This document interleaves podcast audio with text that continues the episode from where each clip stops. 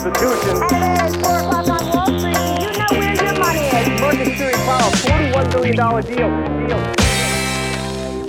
Då säger vi äntligen måndag och dags för investerarens podcast nummer 23. Och då kan man ju tro att det är Tysklands special, men det är det inte. Det är nämligen Norge special idag, för vi är ju... Ja, idag är det den 14 maj och det innebär ju att i slutet på veckan här så har vi ju 17 maj, eller Norges nationaldag. Och det innebär ju också att vi måste belysa Norge lite grann. Och då tänkte jag mig att då blir det alldeles utmärkt med en Norge special. Så det kommer vi ha idag, prata väldigt mycket Norge och norska bolag. Det är ju rätt mycket spännande bolag som faktiskt finns i vårt grannland i väst. Men dessförinnan så är det klart att vi ska prata lite grann om veckan som har gått och då kan vi väl börja med att säga att eh, det är extremt varmt ute. Vi har verkligen fått den här riktiga försommaren. Det är både varmt utomhus men även varmt på börsen. Senaste veckan, alltså förra veckan då så steg OMXS30 1,66%. Så det var en ganska hygglig börsvecka får man ju säga och fortsätter att vara ganska stora svängningar som har präglat det här börsåret. Jag menar, titta bak på 2017 var det inte alls speciellt stora svängningar, 2016 var det desto större får man ju säga. Det här året fortsätter att bjuda på ganska stora rörelser i alla fall på veckobasis helt enkelt. Och tar vi då OMXS30, ja ni vet ju de 30 mest omsatta aktierna på Stockholmsbörsen upp 1,66% förra veckan. Och där har vi Movers då är Swedish Match upp 6,6% även upp mest i OMXS30 om vi tittar på hela året. Sen har vi Sandvik, det är ju industri eh, och den industrikonjunkturen är ju glödhet. Många av industribolagen har ju gått väldigt mycket. Alla har gått enormt mycket sen botten i januari 2016. Sandvik upp 4,2% senaste veckan och sen har vi Atlas eh, B ska vi då säga för Atlas har både A och B-aktier noterade. Den eh, bjöd på en, en uppgång på 4% under förra veckan. Tar vi OMXSP, Stockholmsbörsens breda index 368 aktier så noterade vi en uppgång på 1 1,37%.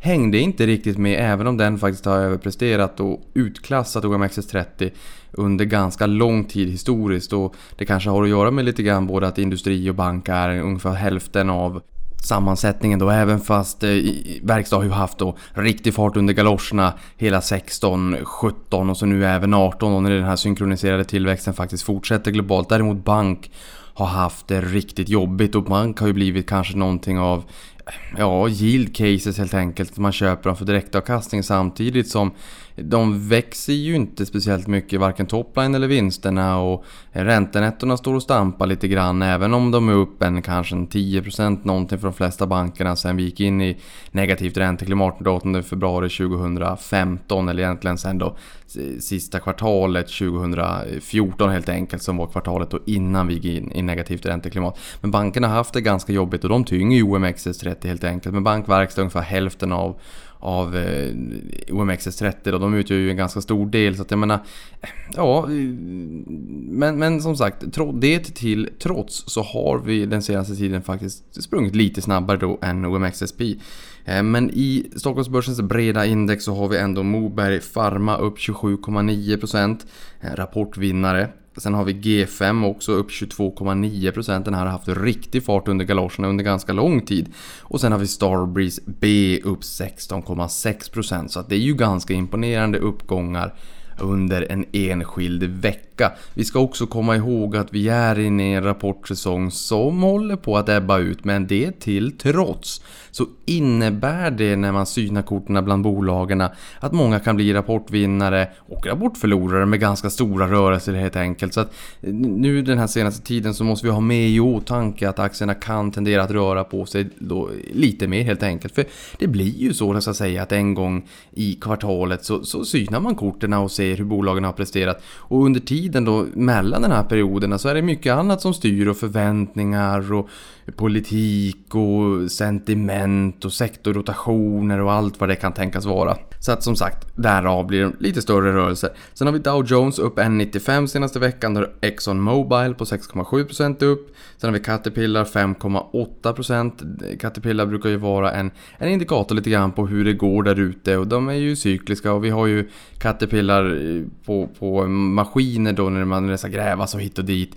Det är ju eh, kusinen om man så får säga sektorkollegan till Volvo Construction Equipment VCE. Så man också kan se de här Volvo grävmaskinerna som många eh, grabbar kanske främst ville eh, sitta och ratta när man var liten och lekte i sandlådan helt enkelt.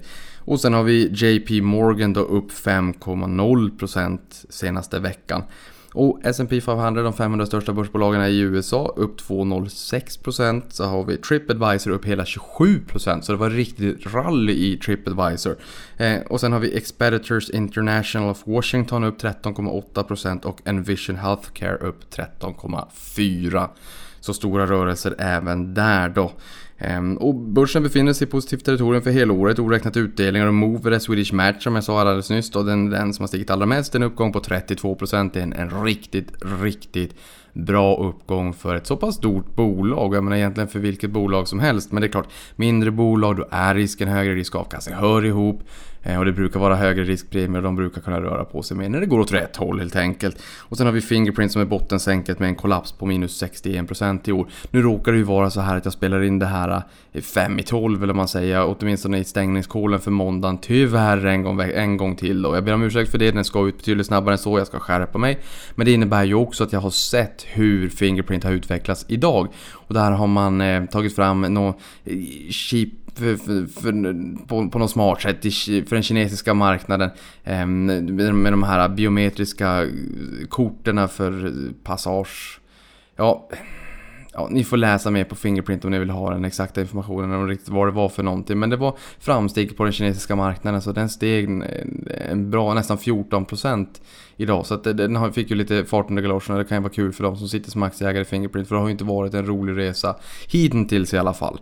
Bolaget är ner 94% sedan de kom in i OMXS30 den 4 januari 2016. Och nu har Goldman Sachs också räknat på att det verkar som att de åker ut ur OMXS30 här när det viktas om. Det viktas ju om en gång i halvåret. Så här fram till sommaren så är det nog kanske så också att det här lilla bolaget som är värt 1,9 miljarder då i skrivande eller snarare talande stund eh, får lämna OMXS30 helt enkelt. Så det blev en OMXS30-karriär egentligen på, eh, på 16, 16, 17, 18, det är två och ett halvt år helt enkelt.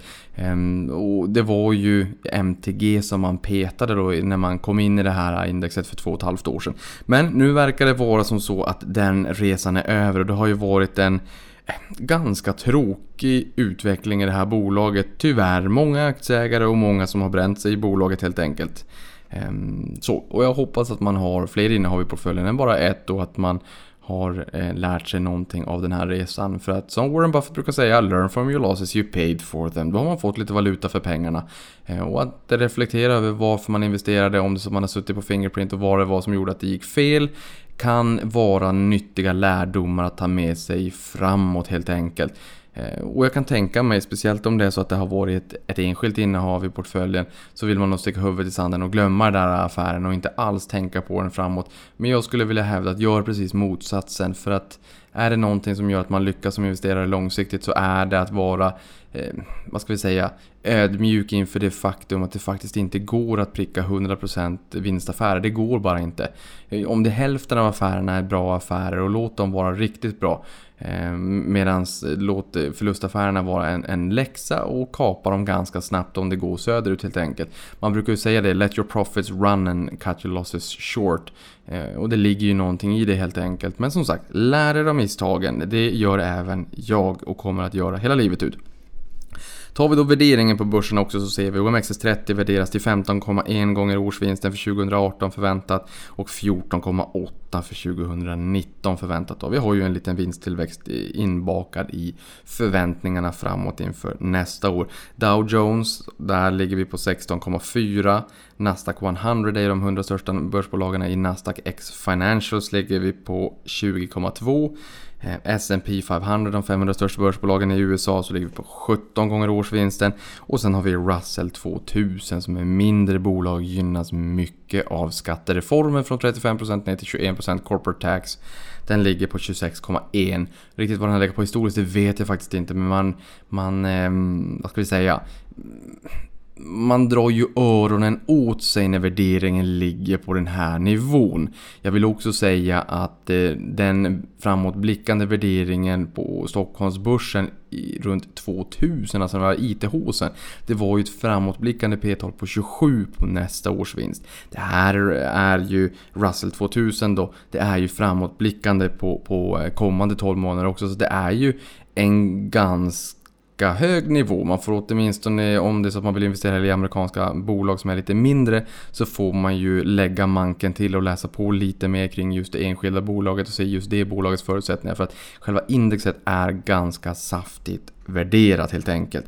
Eh, och den här veckan spelade jag också in poddar med, eh, av bonuskaraktär så att säga. Jag spelar ju in en podd varje måndag då, och det är egentligen bara för att uppdatera kring ja, men senaste veckan, vad som har hänt lite grann. Jag vill ha ett tema och jag vill att du och jag eh, pratas vi en gång i veckan och inte tappar det där. Eh, Eh, för, för, så var det tidigare att jag kunde bjuda in många gäster och sen så var det några veckor i förväg som redan var in, förinspelade så att säga. Och det där var inget roligt så att säga för då kunde det hända någonting i marknaden och så kände jag att nu får jag inte prata om det där och sen nästa gång vi hörs vid eh, ja men då är det ju passé så att säga. Så därför så, så spelar jag ju in ett avsnitt av varje Eh, varje måndag, om än lite sent i det här fallet så att säga ändå. Men avsnitten som det har gäster, det blir ju bonusavsnitt. Ehm, och det är ju lite tråkigt för jag säger att det här är avsnitt 23, det är det ju faktiskt inte. Jag tror att det här är avsnitt 32 eller 33 eller något sånt där. Eh, men jag kom på att jag skriver bonusavsnitt helt enkelt så, så får ni lyssna på de här om ni, om ni vill eller inte. Och i den här veckan så kommer jag att bjuda på dels kredithanteringsbolaget Intrum vars VD Mikael Eriksson jag träffade idag. Ehm, och fick en, en väldigt bra bild av honom. Jag har ju varit lite kritisk till det här och även samgåendet med Lindorf och sådär. Men det vart en timme och 15 minuter.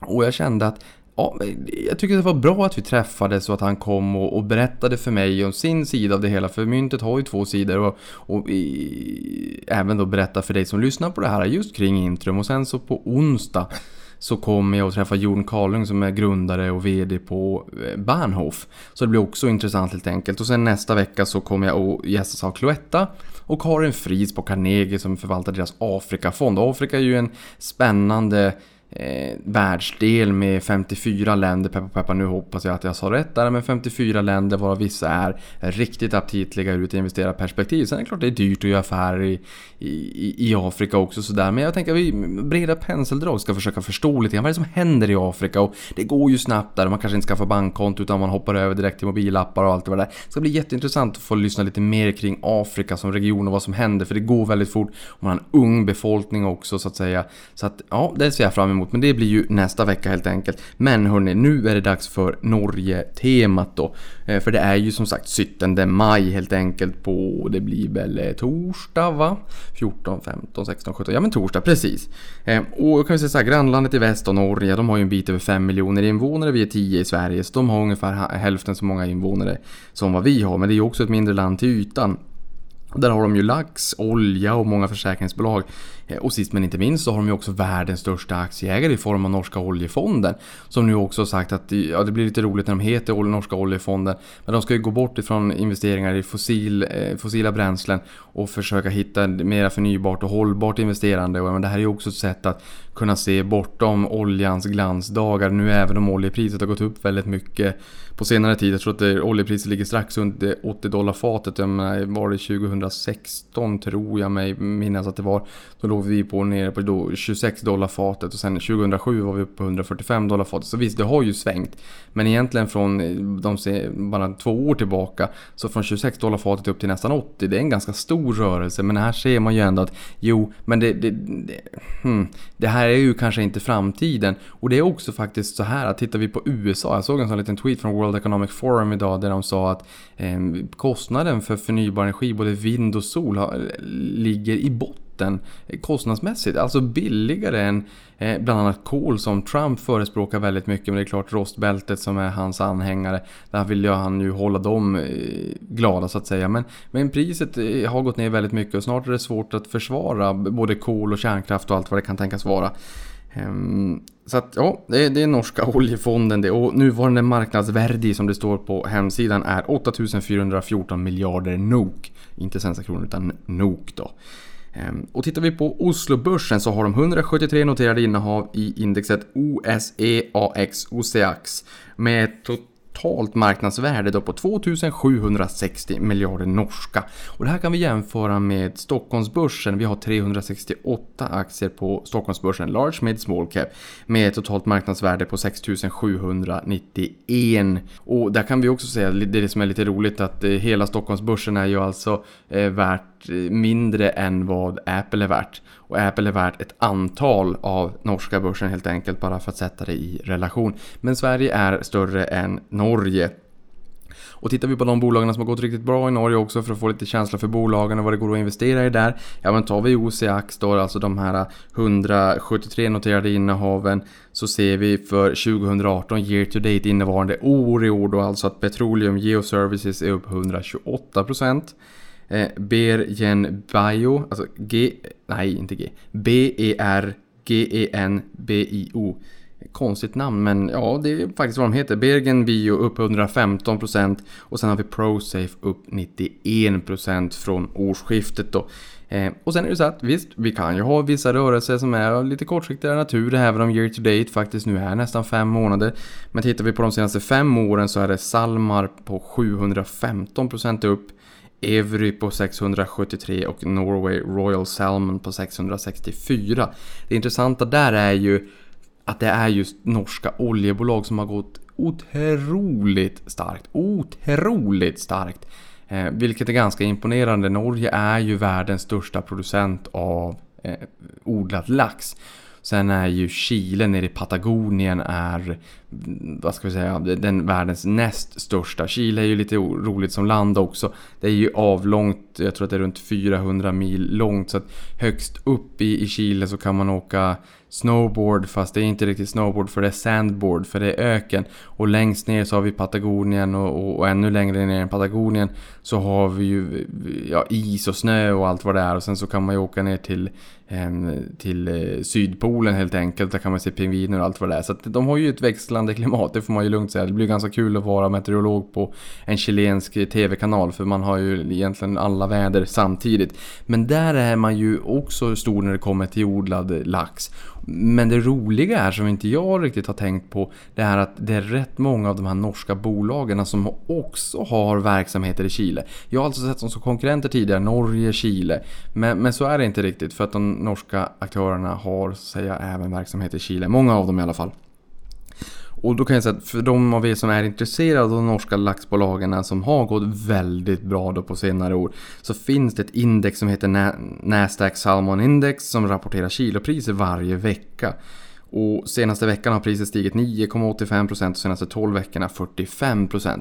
Ehm, och det här är ju helt enkelt skäl till att göra ett poddavsnitt bara om alltså en laxspecial helt enkelt. Hur man tjänar lax på lax. För att ja, dels lite grann framtids för, framtidsutsikten. Jag menar, det, det är ju klart att eh, Asien är ju en stor importör av lax och man har ju sushi och allting. Men lax var egentligen aldrig en del av sushikulturen från första början. Utan det har Norge sålt in helt enkelt. Så det, det är ju ett rätt intressant sätt hur, hur man har kunnat boosta Eh, efterfrågan på lax no oerhört. Och det här kan man ju också sätta i relation till, eh, till Scandi Standard exempelvis, alltså kyckling. Som också är, jag menar ungdomarna vill ju ha mera proteinrika källor och det ska tränas och allt vad det kan tänkas vara. Men när det kommer till, till kyckling så drabbas man ju ofta av olika utbrott av sjukdomar etc. som gör att det finns en, man brukar ju prata ibland med vissa bolag om en politisk risk. Det här är ju inte en politisk risk men det är ju fortfarande en, en risk i den här typen av bolag. Sen har vi ju laxlus förvisso bland laxbolagen men uppenbarligen om vi tittar historiskt hur det har gått för de här bolagen så har det inte varit någonting som har satt käppar i hjulen. Så som sagt, jag lovar att vi kommer göra ett, ett specialavsnitt just när det kommer till laxbolag. Eh, det förtjänar de för att det har gått så otroligt bra och då måste vi ställa oss frågan, kan det här fortsätta? Vad är drivare? Helt enkelt och vilka hot finns det och hur stor kan marknaden egentligen bli? Och tittar vi på istället det här på OSEBX, OCBX som kan jämföras med OMXS30. Det är de 68 mest omsatta aktierna i Norge så hittar vi Petroleum Geoservices igen på 128% upp. Sen har vi DNO som är olje och gasbolag upp 60% i år. Och sen har vi Norwegian Air Shuttle upp 59%. Det här bolaget gick ju upp väldigt, väldigt mycket också på, på budrykten Eh, här för en tid sedan och där eh, brände sig ju blankarna ganska ordentligt och vi har ju även eh, Ryanairs VD som har gått ut och sagt att det här bolaget och Norwegian helt enkelt inte kommer klara sig till halvårsskiftet. Och det har de ju gjort. Ehm, och Norwegian har varit ute och sagt att ja, när man kommenterar och argumenterar så här så kanske man inte riktigt förstår lågprismodellen helt enkelt. Och vi har investerat väldigt, väldigt, väldigt mycket de senare åren och nu är det dags att skörda. Hörde jag på Ekonomiekot då. Så det blir ju spännande att se helt enkelt eh, fortsättningen på Norwegian. Men det har ju fortfarande gått ganska bra innevarande år då. Och tittar vi då på de senaste fem åren för att få en lite mer rättvis bild av vilka bolag som har orkat eh, växa ordentligt och skapa aktieägarvärde på, på ganska lång sikt. Ja men då hittar vi Salmar på 715%, Evry på 673 och Backafrost Frost eh, lax även där då på 599% upp. Så det är ohyggliga uppgångar, man kan inte säga någonting annat. Och sen om vi tittar på Norges största börsbolag då, för det där är ju ganska intressant. H&M var ju störst i Sverige tidigare. Här pratar vi inte om AstraZeneca exempelvis, eller ABB för den delen. Och varför vi inte gör det, det är för att AstraZeneca har sitt legala säte i UK och ABB har sitt legala säte i Schweiz då. Men skulle man titta på börsvärdena på de här bolagen så skulle man kunna Eh, skruva sig i, i pannan eller klia sig i håret och fundera på varför säger vi egentligen att H&M har varit störst? Nu är det inte störst längre. Sist jag kollade så var Atlas Copco störst. Men det är egentligen anledningen då. Och tar vi i Danmark exempelvis så har vi ju Novo Nordisk som är störst och även, både störst i Norden men även störst i Danmark. Jag tror att den utgör någonstans en, en fjärdedel av hela börsvärdet på Danmarks börs då. Så det är ett enormt bolag. I Norge så har vi ju Statoil som jag tror att de flesta känner till av oss. Circle K hette ju Statoil tidigare då men det här oljebolaget Statoil är alltså störst på den norska börsen. Eh, oljekoncernen. De har ett marknadsvärde på 723 miljarder norska kronor och utgör närmare 26% av hela norska börsen. Och faktum är att de fyra största börsbolagen i Norge utgör tillsammans 44% av hela den norska börsen på Oslo Börs. Så det innebär att vi har en enorm koncentration mot just de fyra största börs, eh, börsbolagen, börsbolagen. Och då kan man ju bli lite nyfiken på, okej okay, vilka är de tre andra? Jo, det ska jag förtälja. Och det är nummer två har vi Telenor, alltså deras motsvarighet kanske till Telia eller Televerket. Och sen har vi Norges Bank, DNB då. Och sen på fjärde plats så har vi Aker BP. Men jag tänker vi tar hela 10-listan då helt enkelt så kan vi prata lite mer om de här bolagen alldeles strax. På femte plats har vi Norsk Hydro, sjätte plats, eh, plats Jara International, sen har vi Marine Harvest, Orkla, Gensidige Forsikring och Aker. Och det här är alltså inte fel utan vi har ett Aker och ett Aker BP helt enkelt då. Och Statoil, det gör nog ingen förvånad kanske att det är det största börsbolaget. Jag tror att de flesta av er känner igen det. Ehm, och sen så som sagt då Telenor motsvarigheten till Telia eller Televerket. Telenor är ju även en aktör på mobilmarknaden i Sverige. Om det är så att man vill teckna ett nytt mobilabonnemang och går in i någon mobilbutik då kommer man ju ha Telenor som ett exempel. De har ju även butiker här i Sverige då helt enkelt. Så att den tror jag de flesta av er känner igen också. Sen DNB det är ju landets största finanskoncern. Ehm, och sen har vi Aker BP, är ett oljebolag. Norsk Hydro tillverkar aluminium. Ehm, aluminium har ju gått upp ganska ordentligt i år också. Det, det var ju en del av eh, USAs tariffer. Det, som ni kanske kommer ihåg så var det ju både på stål och på aluminium. Ehm, så att aluminiumpriset, nu vet inte jag exakt här i dagarna för det är inte så att jag följer råvarupriserna, det gör jag inte. Men vi kommer nog förmodligen att ha ett råvaruspecial också för jag har en riktigt duktig person ehm, som, som gärna kommer hit och pratar råvaror. Så att jag hoppas bara att det blir i närtid så får vi prata lite mer om det där då. Sen har vi Yara International som tillverkar jordbrukskemikalier och gödselmedel och är faktiskt en avknoppning från Norsk Hydro här då 2004.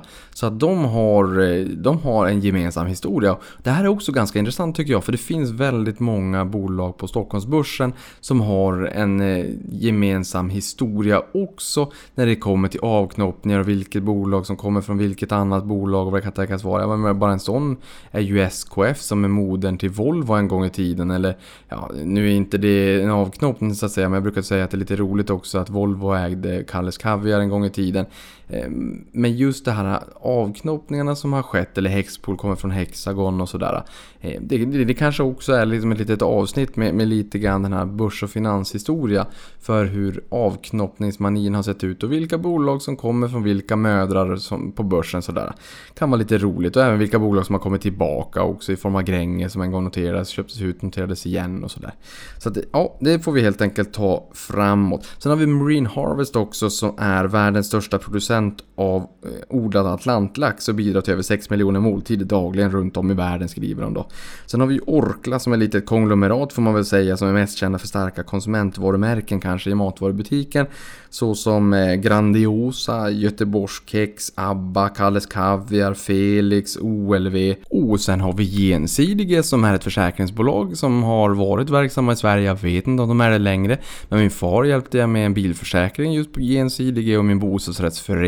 Så när jag satt i styrelsen så var jag med och tecknade en försäkring eh, för bostadsrättsföreningen på genstyrelsen. Sen lämnade de just den marknaden, det segmentet i Sverige eh, här för ett antal år sedan så att säga. Men de är ett ömsesidigt försäkringsbolag. Det kanske går att likställa med Länsförsäkringar i Sverige då helt enkelt. Och sen har vi Ake som är att likna vid ett investmentbolag som äger aktier inom ett flertal olika bolag främst inom industri då. Ehm, och sen kan vi också fundera lite grann på hur eh, börsen har gått i Norge i år i förhållande till Sverige. För det är klart, vi vill ju också relatera till vår hemmamarknad Sverige. Vi har ju ett litet home bias. Och här är det ganska jobbigt för här måste jag ju säga att Norge slår oss på fingrarna när det gäller börsutvecklingen på senare år. Ehm, och tittar vi på just då OS, eh, OCBX, då, de 68 mest omsatta aktierna i Oslo, så har de stigit 8% från årsskiftet och 80% de senaste fem åren. Och här då när jag tog fram det här så hade eh, OMXS30 bara stigit 1,86% från årsskiftet. Det här är ju exklusive utdelningar då så att säga. Ehm, och 30% de senaste fem åren. Ehm, men är det så här att vi tittar liksom och, och justerar för valutan. För nu kan jag tänka mig att ni tänker hmm, ja men hur har norska kronan gått då? Man måste ju ändå jämföra i samma valuta för annars blir det orättvist. Ja, om vi tittar på svenska börsen mätt i norska kronor så blir det istället minus 5,7% i år vilket gör det ytterst tråkigt. Så då tänker man att ta bort den där jämförelsen. Vi tittar i, inte alls i justerade valutor. Ehm, och, och, här har vi då gått upp 38% de senaste fem åren. Så att från eh, plus 30 till plus 38% de senaste fem åren. Så här har vi fått en liten valutaskjuts Eh, på fem år men vi har fått en liten valuta mot vind i år då helt enkelt. Men det till trots så hjälper inte det. Vi, vi når tror inte pallplats när det kommer till börsutvecklingen varken i år eller senaste fem åren då. Utan Norge slår oss på fingrarna helt enkelt. Förutom det så skulle jag vilja prata om några bolag som jag tror flyger lite grann under radarn. För här har vi pratat om de tio största börsbolagen i Norge. Och vi har pratat om några av de mest omsatta så att säga. Och att då Statoil utgör 26%, de fyra största utgör tillsammans 44% av, av norska börsen. Det är mycket oljebolag, olja, energi, försäkring, laxbolagen har gått riktigt, riktigt bra. Som egentligen skållat troll senaste åren. Men det måste ju också finnas bolag som har gått lite grann under radarn. Jag menar, det är är ju ändå 173 bolag sa vi. Så jag har tagit några stycken, de kanske inte har flugit under din radar men jag vill ändå lyfta dem lite grann. Och jag börjar egentligen med att repetera mig själv lite grann för repetitionen är ju kunskapens moder brukar man ju säga.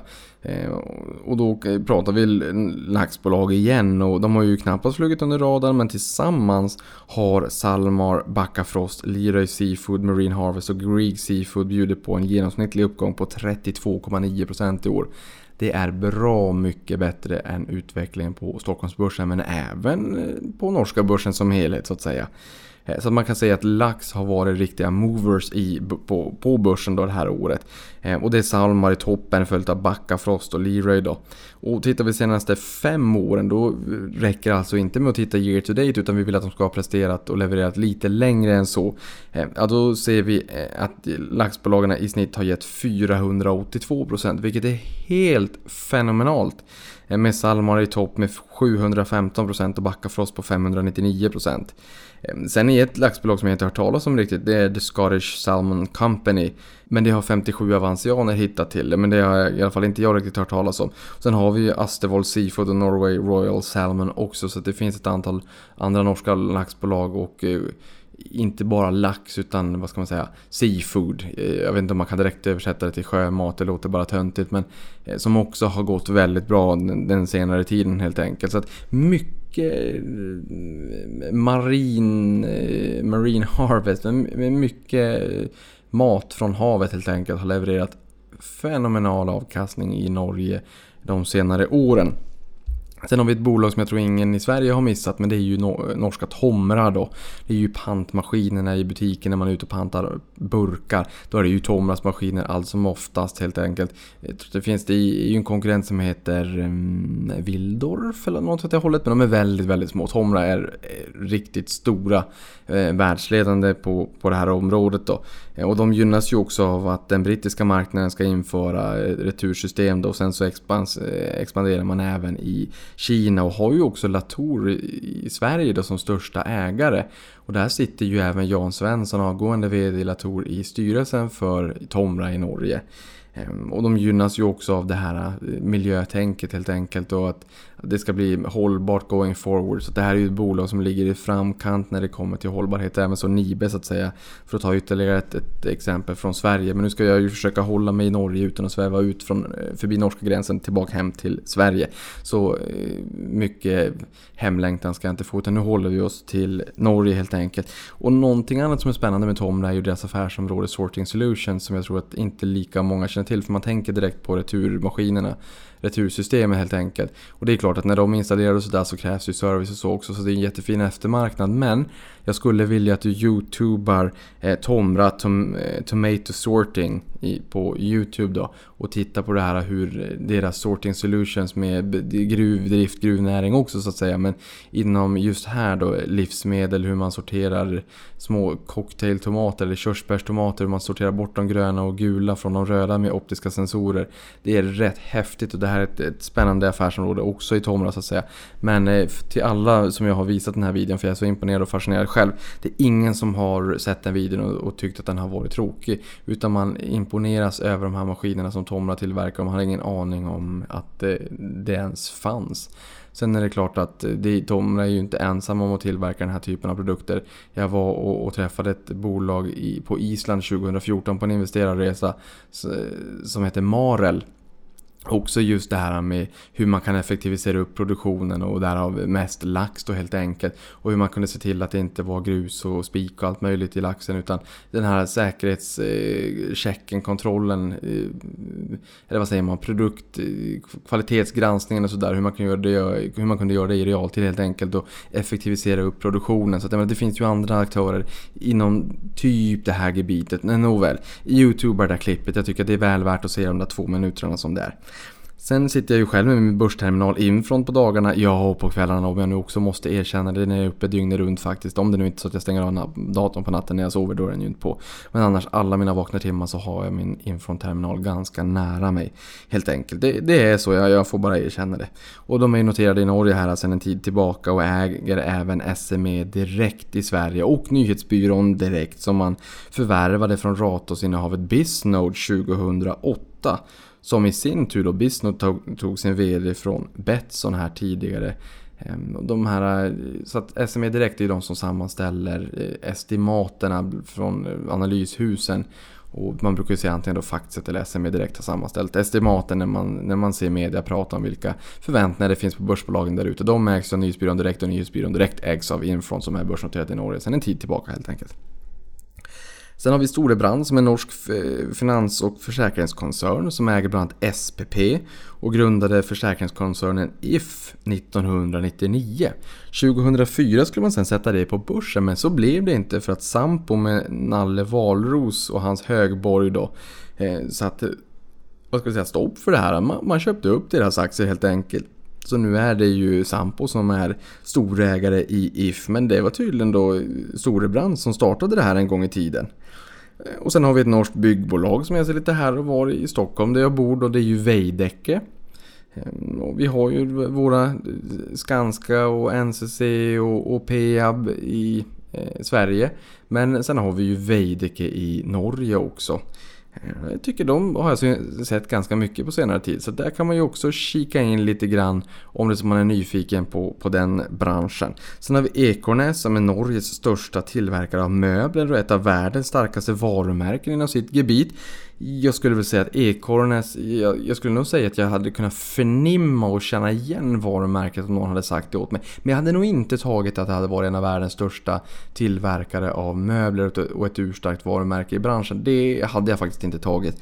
Eh, och den här, de här flyger under radarbolagen som jag pratar om nu, det är ju verkligen inte något uttömmande så att säga. Men det var några som jag fastnade för när jag kikade i min infronterminal här på kvällskvisten.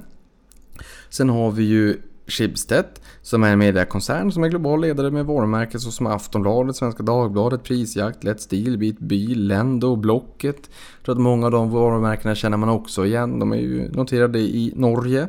Sen har vi spritkoncernen Arcus som sattes på börsen för en tid sedan av Ratos och har varumärken som Dalmore, Gammeldansk, Fireball med flera. Och, Eh, går man in på deras norska hemsida så finns det även en informationsvideo. Så står det såhär, ni vet, spela video nu, men då så står det spillvideo. Och då tänker jag, vem är det som ska torka upp videon efter att man har tittat på den där då? Sen har vi också StrongPoint som erbjuder teknologilösningar såsom cash management, säkerhet och självbetjäning, elektroniska hyllkantsetiketter med mera. Och när du pillar ner pengar i kassan, säg att du står i kassan på Axfood, alltså Willys då, eh, och ska pilla ner pengarna, mynterna i den här röda boxen eh, som, som är alldeles eh, bredvid dig så att säga när du står där vid vid kassörskan eller kassören. Så eh, den är förmodligen från Strongpoint får man säga. Eh, så deras varor, varor finns i, runt omkring oss men vi kanske inte riktigt tänker på det. Norska Strongpoint. Sen har vi sportkedjan XXL med extra extra låga priser har jag förstått att eh, Ehm, det här namnet står för. Det kanske inte var, kommer som en skräll för dig som lyssnar även om man inte har tänkt på det. Ehm, och de gjorde en entré på börsen här för några år sedan efter att eh, EQT eller en fond inom EQT då satte det på börsen. Så där hade ju även Investor med ett litet finger med i spelet. Jag tror Investor har någonstans, vad kan det vara, 19% av EQT någonstans kanske äger ju även Eton, varför jag sa det, det vet jag faktiskt inte. Men jag kom bara på det så här och då var jag tvungen att säga det. Sen har vi lågpriskedjan Europris eh, med 240 butiker som noteras på börsen 2015 och är idag ett av landets största lågpriskedjor, eller egentligen största kedjor som jag förstår det också, med närmare 90% norrmännen som känner till det här varumärket. Så det är ju ett gäng olika bolag som finns på den norska börsen. Ehm, jag hoppas någon har varit lite grann till inspiration eller kan borga för att kunna kika vidare lite grann. Och nu vill jag också bara säga att när man handlar utländska aktier, jag har ingen aning om det är så att du kommer att handla utländska aktier eller om det handlar på Avanza. Självklart önskar jag det, men jag har ju ingen aning. Men jag vill ändå bara påminna om att är det så att man handlar utländska aktier då blir det en valutaväxlingsavgift på 0,25%. Glöm inte den. Ehm, bara så att man är medveten om att det, det, när du köper en utländsk aktie så köper du inte bara aktien utan du köper även den utländska valutan som aktien är denominerad i. Så att när du köper en aktie i Norge så köper du både aktien och du köper norska kronor och säljer svenska kronor helt enkelt. Så glöm inte bort det. Nu hörni är det dags för ett nyhetssvep och jag hoppas att vi har förgyllt 17 maj med lite mer inspiration kring de norska bolagen som finns eh, i Norge, vårt grannland. Jag tycker att det finns ganska många spännande bolag i Norge. Jag är glatt överraskad när jag gjorde den här, vad får man kalla det, stickkontroll eller stickprov på, på lite flyger under radarn-bolag. Det finns rätt många spännande bolag faktiskt i Norge. Men när det kommer till nyhetssvepet kan vi säga att Volvo Cars börsnotering ser ut att närma sig det bolagets kinesiska ägare Geely litet amerikanska investmentbanker som rådgivare inför en IPO. IPO, Initial Public Offering, vilket inte Spotify gjorde om man ska eh, ta dem som exempel. Initial Public Offering, alltså en, en, en, man erbjuder ut aktier till allmänheten när bolaget ska listas, alltså börsnoteras helt enkelt. De gjorde ju en direktlistning. Det var en utsvävning. Parallellnoteringen kan vara aktuell här, att man då har listat bolaget på flera börser samtidigt där vi då hoppas att Volvo vill lista sina aktier på Stockholmsbörsen bland annat. Ehm, och indikativ värdering pekar på en värdering någonstans i spannet 16 till 30 miljarder US-dollar. Det är ett ganska stort spann, men så ser det ut i alla fall om vi ska tro de ryktena som är i marknaden. Sen har vi antivirusaktören Avast som har noterats på Londonbörsen och var den största noteringen på över ett år och troligen den största technoteringen någonsin i London. Däremot så var det ingen pompa och ståt för aktien handlas ner under kring minus 3% här i tidig handel och detta trots då att man satte priset till det lägsta spannet eh, i intervallet, alltså lägsta nivån i intervallet helt enkelt. Den eh, handlades i alla fall ner helt enkelt. Sen har vi Hexagons VD Ola Rolén som greps i oktober 2016 misstänkt för olaglig insiderhandel. Friades ju av Oslo tingsrätt men nu överklagas domen till Norges motsvarighet till hovrätten. Det här var ingenting som påverkade Hexagon-aktien jättemycket. Det här har ju varit diskonterat i kursen. Kom ihåg eh, när det här briserade helt enkelt den här nyheten. Ja då föll ju börsvärdet på Hexagon som mest 21% innan det vände. Nu är ju det här så pass, eh, som vi har ju stött och blött det här så pass länge så det har ju egentligen inget riktigt nyhetsvärde. Det kanske skulle bli en skräll om han skulle bli fälld förvisso så att säga men eh, fram till dess, han har fortsatt fullt förtroende för styrelsen i Hexagon och vi får ju helt enkelt se vad som eh, händer framåt. Ehm, det, det står skrivet i stjärnorna. Eh, sen så såg jag också att hans försvarsadvokat var uppbokad resten av året så det kanske till och med eh, dröjer ända fram till nästa år vilket är helt bedrövligt om Ola ska behöva vänta så här länge eller någon människa överhuvudtaget ska behöva vänta så här länge. För det är ju verkligen inte roligt att gå med den här osäkerheten i magen. Det, det måste vara helt eh, eh vidrigt, ursäkta språkbruket. Sen har vi Nasdaq då som presenterade i veckan vilka aktier som kommer att flytta in respektive flytta ur OMX Stockholm Benchmark Index som är ett index som listar de största och mest omsatta aktierna på Stockholmsbörsen och viktas efter market cap och free float. Och free floaten det är ju alltså den, den fria delen av aktierna som handlas någorlunda regelbundet på börsen. Så säg att det är en stor ägare som sitter på 70% av aktierna och de sista 30% handlas ganska friskt på börsen. Då skulle vi säga att free floaten är 30% helt enkelt. Eh, och de som flyttar flyttar in då är Adlife, Arjo, Bilia, De Carnegie, Leo Vegas och Thule. Medan de som åker ut är Africa Oil, Latour, NCC, Research, Sagax och Stora Enso lär även få en viss effekt på de här bolagen. För det har vi sett att det har varit lite grann börsanomalier. Jag menar, vi har mycket, mycket indexflöden, passiva flöden och sådär som investerar i index och så. Och det är klart att det brukar kunna bli en skjuts för de bolagen som lyfts in i index där en förvaltare inte kan bestämma bu eller bä utan ingår en aktie i ett index så ska den handlas in i fonden och vice versa helt enkelt. Så, eh, handla inte på den här informationen men eh, det, det, har sett ut så historiskt i alla fall. Sen har vi i tisdags förra veckan så rapporterades det att Stefan Persson köpt aktier i H&M då för 1,45 miljarder kronor. Och idag rapporteras att han fortsätter sitt löpande sparande helt enkelt. Nu har han köpt för 900 miljoner kronor. Jag har faktiskt tappat räkningen på hur mycket Stefan har köpt men han har köpt väldigt mycket. Och ni vet ju förra, eller för förra avsnittet så pratade jag ju även om att jag då hade träffat en person från H&M online som sa att det var en riktig högkonjunktur och inte alls kände av den stress och det lite eh, Eh, bistrare klimatet som är i hm koncernen innan man har lyckats vända den här skutan. H&M Online går riktigt bra. Sen så får vi också se de mera defensiva bitarna i takt med att eh, butikerna kanske omförhandlar sina kontrakt och sådär. Man får, man får koll på Omni-kanal. Man förbättrar lager, nivåer och allt vad det kan tänkas vara. Men just H&M online verkar ju växa så att det knakar. Den här personen var inte alls missnöjd för fem öre utan sken som en sol när vi pratade om H&M. Men det är ett stort bolag, det är en stor koncern. Alla delar måste leverera. Men så att säga om H&M kan fortsätta leverera och de andra delarna kan få lite bättre snurr helt enkelt. Få ner kostnaderna lite grann. Ehm, stänga olönsamma butiker och eh, omförhandla kontrakt. De är ju inte sällan baserade både på en fast del och även en omsättningsdel helt enkelt. Nu ska vi inte sväva in på det här. Vi får helt enkelt se vart H&M går going forward. Den ligger på runt 140 kronor nu. Då har man ju exat utdelningen också så att den ehm, och utdelningen ska vi säga, den är ju 9,75 men den delas ju upp i två delar. Men den är upp ganska mycket sen, sen bottennivån 117,10 den 28 mars. Sen har vi bolaget bakom antivirusprogrammet Avast som är börsnoterat. Det här sa jag redan, jag har skrivit det här två gånger.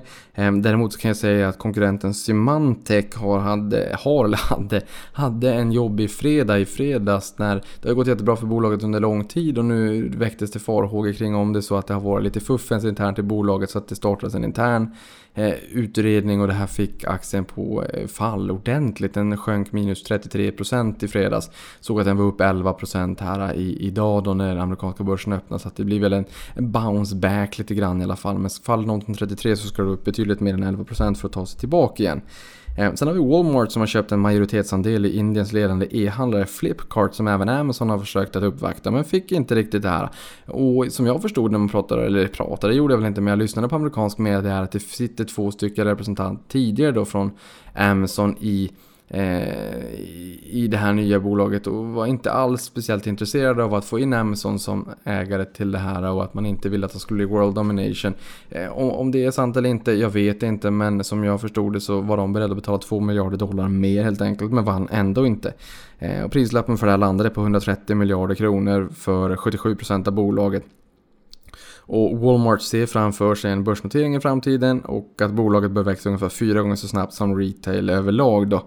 Eh, och bolaget har 100 miljoner användare i landet som har 1,3 miljarder invånare. Och digitala ekonomin växer mycket, mycket snabbt. Jag menar, vi har ju sett många bolag som vill in i Indien för att lyckas där i ett tidigt skede. Men inte minst Apple som är Um, the World's Leading Consumer Brand. Eh, de har ju vurmat väldigt mycket för att ta sig in i Indien och de är inte ensamma så att säga. Men det var det första exemplet som poppade upp i min skalle så här. Sen har vi Karo Pharmas ordförande till lika storägare Anders Lönner som åtalas för grovt insiderbrott.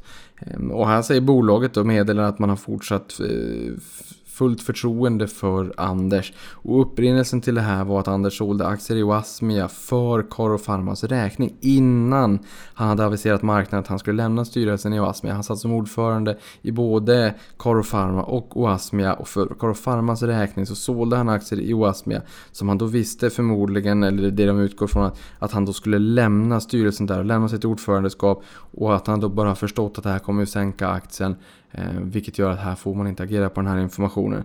Eh, och det gjorde han och det här eh, har helt enkelt lett till att han som sagt misstänkt för, misstänks för grovt insiderbrott helt enkelt. Sen har vi Volvo som aviserat sin andra ellastbil och det här är alltså Volvo, inte Volvo personvagnar utan Volvo lastvagnar som är börsnoterat i Sverige redan då.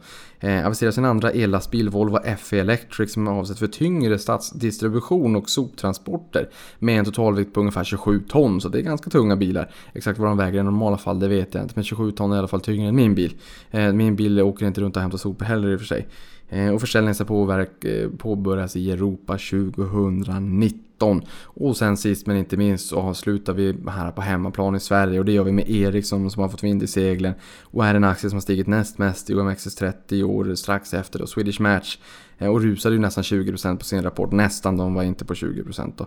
Ehm, och det här, det vi har sett nu här senare också med en rapport i dagarna, jag tror att det till och med var idag, är att de är ikapp konkurrenten Huawei i termer av globala marknadsandelar. Eh, så de har fått vind i seglen och vi får ju helt enkelt bara hoppas att det går fortsatt bra för dem. Nu har ju Donald Trump varit ut här och sagt också att man är beredd att hjälpa kinesiska ZTE Eh, med en livlina helt enkelt. Man har ju varit, gått hårt åt det här bolaget i och med att de inte riktigt har skött sig i Donald Trumps mening när det kommer till Iran.